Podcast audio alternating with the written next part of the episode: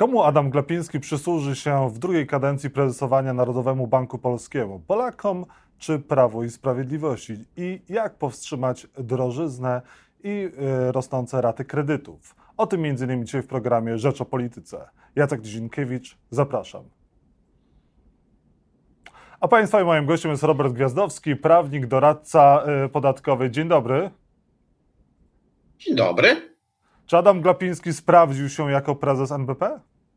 Nie. Dlaczego nie? E, bo robił to, co oczekiwał prezes Kaczyński, e, a nie powinien tego robić. Dlaczego? E... No, większość posłów zagłosowała za Adamem Glapińskim w Sejmie na drugą niestety, Taki mamy niestety system. Otóż e, ważne jest, co robi bank centralny, bank emisyjny i ważne jest, co mówi jego prezes. Prezes Glapiński e, robił to, czego oczekiwał Jarosław Kaczyński, który prowadził politykę taką, żeby przekupować wyborców. Skutecznie. A NBP mu to ułatwiał, umożliwiał. E, interwencje na rynku walutowym, podczas których przed pandemią bank centralny osłabiał złotego. Osłabiał celowo. E, to było nieporozumienie. Tylko ja nie przypominam sobie, żeby wtedy jakoś makroekonomiści e, oponowali, bo to pasowało im w Excelu. Tego typu interwencje, bo jak tu jest niższy kurs złotego, znaczy jak złoty jest y, słabszy, to eksport, czyli PKB nam rośnie, wszystko było cacy.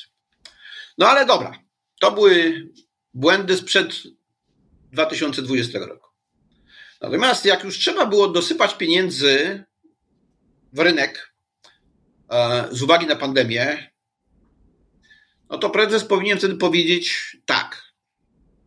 E, jak tylko skończą się obostrzenia, to my zaostrzymy politykę fiskalną. A on mówił, że on będzie drukował w nieskończoność. Jest coś takiego jak oczekiwania inflacyjne. I one się zrealizowały. Dlatego mamy wysoką inflację. E, stopy procentowe trzeba było podnosić wcześniej, ale za to nie tak szybko, jak podnosi się je teraz. No, apelowali ekonomiści do prezesa, a prezes wtedy mówił, że no, to byłby strzał w kolano, gdyby podnosił. No właśnie, dlatego moja odpowiedź na pytanie, czy się sprawdził, brzmi nie. No dobrze, ale czy to jest wina prezesa NBP, że w Polsce mamy taką drożyznę, że jest e, taka inflacja? No chyba nie można wszystkiego. Z... Nie tylko jego. Wymienię, wymienię winnych. Po pierwsze, John Keynes i jego paradygmat ekonomiczny, zgodnie z którym inflacja generalnie jest dobra.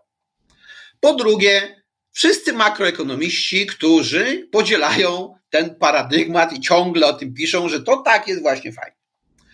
Po trzecie, Fed amerykański, który wydrukował pierdyliony dolarów, żeby uratować banki amerykańskie w 2009 roku, które postępowały zgodnie z tym paradygmatem. Po trzecie, spekulanci na rynkach e, różnych, którzy na przykład e, nic nie robią z ropy naftowej, ale ją kupują, sprzedają, kupują, sprzedają, kupują, sprzedają, za każdym razem starają się sprzedać drożej. E, większość, i to nie tam 51%, prawie 90% ropy naftowej kupowana jest na rynkach przez tych, którzy w ogóle nie mają żadnej rafinerii. I w ogóle nic nie robią z tej ropy naftowej. Po czwarte, to są ci, którzy uznali wiele lat temu, że trzeba podwyższyć ceny prądu, za co oczywiście najbardziej zapłacą biedni ludzie, tak, żeby bogaci ludzie mogli zarobić na inwestowaniu w OZE. O piąte, sam Jarosław Kaczyński, który e, zdecydował się na 500 plus na pierwsze dziecko, potem na 13 emeryturę, e, teraz na 14 emeryturę. Po szóste, prezes Glapiński, który mu to umożliwiał, skupował te wszystkie e, obligacje, jakie tam drukowali. Po siódme, ten nietoperz, co tego pożarli w Chinach i się zaczęła pandemia. E, no i po ósme w końcu Putin. Uf, czy y, w takim razie 500 plus powinno zostać e, zabrane Polakom, powinno zostać zredukowane jakoś? Nie wszyscy powinni e, dostawać 500 Inflacja jest znaczy, i będziemy mieli, będziemy mieli święty spokój. Bo z 500 plus, jak je wprowadzali na pierwsze dziecko, to ja wtedy mówiłem, e, jedynym sposobem wycofania się z tego będzie inflacja. Inflacja zeżre 500 plus i nie będzie z nimi już kłopotu. E, 500 plus na pierwsze dziecko. Ja bym oczywiście wolał, ja na, na drugie, tak? To, to pierwsze, które prowadzano. Ja bym oczywiście wolał, żeby obniżono opodatkowanie pracy i żeby e, ta ulga wiązała się nie tylko z posiadaniem dziecka, ale jednocześnie z pracą. Ale dobra, PiS zrobił program bardziej polityczny niż ekonomiczny, e, dał to 500 niby to od siebie, tak? Dla wszystkich. Natomiast 500 plus na pierwsze dziecko, w sytuacji, w której E, jedno dziecko w każdej rodzinie i tak się rodzi, to już było czysto, czyste przekłamstwo wyborcze. PiS dał pieniądze ludziom, żeby w 2019 zagłosowali jeszcze raz na PiS. Trzynasta emerytura? Dokładnie to samo. Czternasta emerytura, która teraz ma być? Dokładnie to samo. To co zrobi dzisiaj z 500? Plus? Nic. E, politycznie nic się nie da z tym już zrobić. Zeżre to inflacja w ciągu e, no, pewnie już niedługiego czasu. E, a czego pan się spodziewa po drugiej kadencji prezesa NBP Adama Glapińskiego? No, może powrotu do tego, co pisał, mówił, jak za pierwszym razem był w Radzie Polityki Pieniężnej, tak? czyli yy, wtedy ja był jeszcze Jastrzębiem. Tylko znowu, uwaga, to, yy, to nie jest tak, że polityka w tej chwili gwałtownego podnoszenia stóp i opowiadania, że będziemy podnosić e, ostro i zdecydowanie, jest dobra. Ona nie jest dobra. Ona jest zgodna z oczekiwaniami rynków finansowych. Natomiast e, jeżeli będziemy podnosili stopy procentowe, a z drugiej strony będziemy e, wypłacać 14 emerytury, e, obniżać podatki wszystkim, jak leci, e, no to nie będzie dobre rozwiązanie. Adam Glapiński, naj...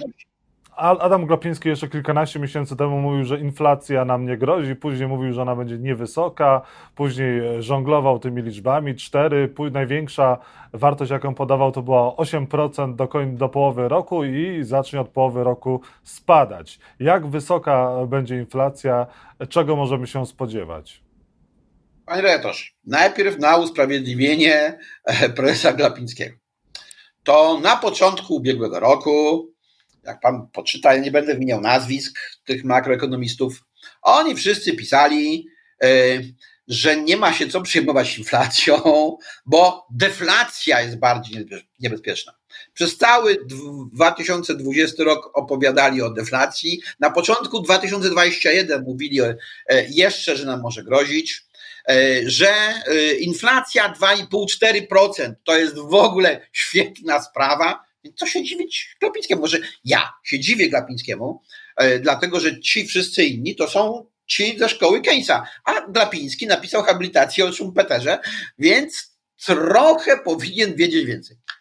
No dobrze, czy będzie jeszcze drożej, czy Polacy będą finansowo... Jeszcze drożej. Mhm. Mówi się, że od biedy dzielą Polaków trzy niespłacone raty kredytów. E, I czy te stopy procentowe i kredyty jeszcze bardziej wzrosną? No to do jakiego stopnia? Niech pan powie, do jakiego stopnia, czego możemy się spodziewać?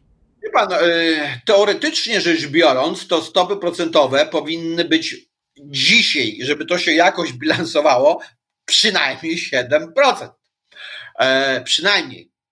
No ale, ale to się będzie bilansowało tylko i wyłącznie w Excelu makroekonomistom, bo to się nie będzie bilansowało ludziom w ich codziennym życiu, w ich codziennych wydatkach. Bo proszę pamiętać, że to nie chodzi tylko i wyłącznie o kredyty hipoteczne. Proszę pamiętać, że y, lud, który y, głosuje, jak idzie kupić telewizor na raty, to ten lud bierze kredyt. Tylko o tym nie wie. Wydaje mu się, że on kupuje na raty. E, no i na tym ludzie co to kupuje telewizor na raty, stopy procentowe też się odbiją. Mhm. A co z rynkiem mieszkaniowym? Czy teraz warto kupować mieszkania? Warto w ogóle brać kredyty?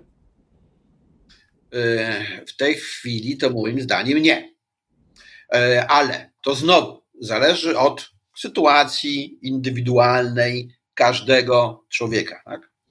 E, no bo jeżeli mamy jakieś zaskórniaki, tego kredytu będziemy nie potrzebowali tak wiele, e, no to ja uważam, że lepiej jest kupić mieszkanie niż wynajmować mieszkanie. Mhm. A kiedy? O, kiedy? Mhm, tak. o proszę pamiętać o jednym. Proszę pamiętać o jednym. Nawet jeżeli będziemy teraz musieli płacić więcej, to my w tej chwili mamy większą zdolność do generowania przychodów. Jesteśmy młodzi, tak? Możemy nie kupić sobie latę tam za 18 zł, tylko zrobić w domu, yy, żeby mieć trochę więcej na ratę kredytu. Natomiast spłacimy ten kredyt, zanim przejdziemy na emeryturę. Bo jak będziemy na emeryturze, to już nie będziemy mieli zdolności do e, kreowania przychodu. Wtedy będziemy tylko i wyłącznie na łasce kolejnego pokolenia, w, w dzieci i wnuków, których nie robimy. W związku powyższym nie będzie kto miał być tym łaskawcą. A jak zwalczać drożyznę i powinno państwo i kiedy ta drożyzna w Polsce się skończy? Kiedy będzie lepiej? E, lepiej już było. E, kiedy może się trochę poprawić niż jest dziś, no to zależy od paru czynników. Tak? E, pierwszy czynnik, no to jednak ceny nośników energii, między innymi gazu. No bo ten gaz jest potrzebny, żeby produkować te nawozy, a te nawozy są potrzebne, żeby produkować żywność. E, no, po drugie, mamy ropę naftową potrzebną do tego, żeby produkować paliwa, które są potrzebne, żeby wlać w traktor, który wyjedzie na to pole, żeby rozsiać te nawozy. E, jest taka fantastyczna, fenomenalna, ona trudno nazwać się książką, bo to ma chyba 7 stron, ale nazywa się książką Leonarda Rida Ja ołówek. Ja wszystkim polecam, żeby ją przeczytać. Tam jest pokazane, jak, jakie związki zachodzą między setkami tysięcy ludzi a wyprodukowaniem ołówka. E, I tak jest we wszystkim, w produkcji żywności również. E, a jeżeli chodzi o też sytuację tą ekonomiczną, jeżeli chodzi też o kwestię podatków, jak dzisiaj te zmiany podatkowe kolejne, bo Polskiego Ładu już nie ma, e, mogą sprzyjać lub... No jeszcze, jeszcze Polakom, jest. Polakom? E, Polski Ład jeszcze jest. Ja go od samego, zanim on powstał, to ja go nazywałem pisowskim nieładem. Jak był w trakcie e, tworzenia. No i oczywiście rząd nie słuchał, jak mu ludzie dobrze mówili. Nie rób tego. Zrobił i ma tego konsekwencje. Teraz może się z tego próbować jakoś wyłgać, dzięki Putinowi w dużym stopniu, e, bo przecież gdyby nie wojna, to by musiał tkwić w tym, co stworzył i co nazwał fantastycznym rozwiązaniem. E, teraz próbuje coś zrobić, ale istnieją dosyć spore obawy, że będzie robił tak, jak przy wprowadzaniu nowego ładu, czyli jeszcze pogorszy sytuację. E, a na koniec, jeżeli chodzi o też o, wo o wojnę, jeżeli chodzi o gaz, E, to co my powinniśmy robić, jeżeli chodzi o ściąganie tego gazu? Skąd powinniśmy go czerpać? Czy mimo wszystko powinniśmy z Rosji go brać bez względu na cenę, bez względu na koszta? To nie jest tak, że ja się znam na wszystkim i że ja mam rozwiązania na wszystko generalnie rzecz biorąc. No jak to? Przecież e, pan e, chciał wejść do polityki, więc na pewno pan wie coś o wszystkim i wszystko o czym. Wyborcy mi to wybili z głowy. W związku powyższym trzy miesiące... Skutecznie wkrótce trzy miesiące próbowania potwierdziły moją 30-letnią teorię głoszącą, że to nie ma sensu. Wyborcom trzeba obiecywać, a ja im obiecywałem, że niczego im nie dam. No i wie, jak się skończyło. Robert Gwiazdowski u Państwa i moim gościem. Bardzo dziękuję za rozmowę. Dobrego dnia życzę. Dziękuję bardzo, nawzajem.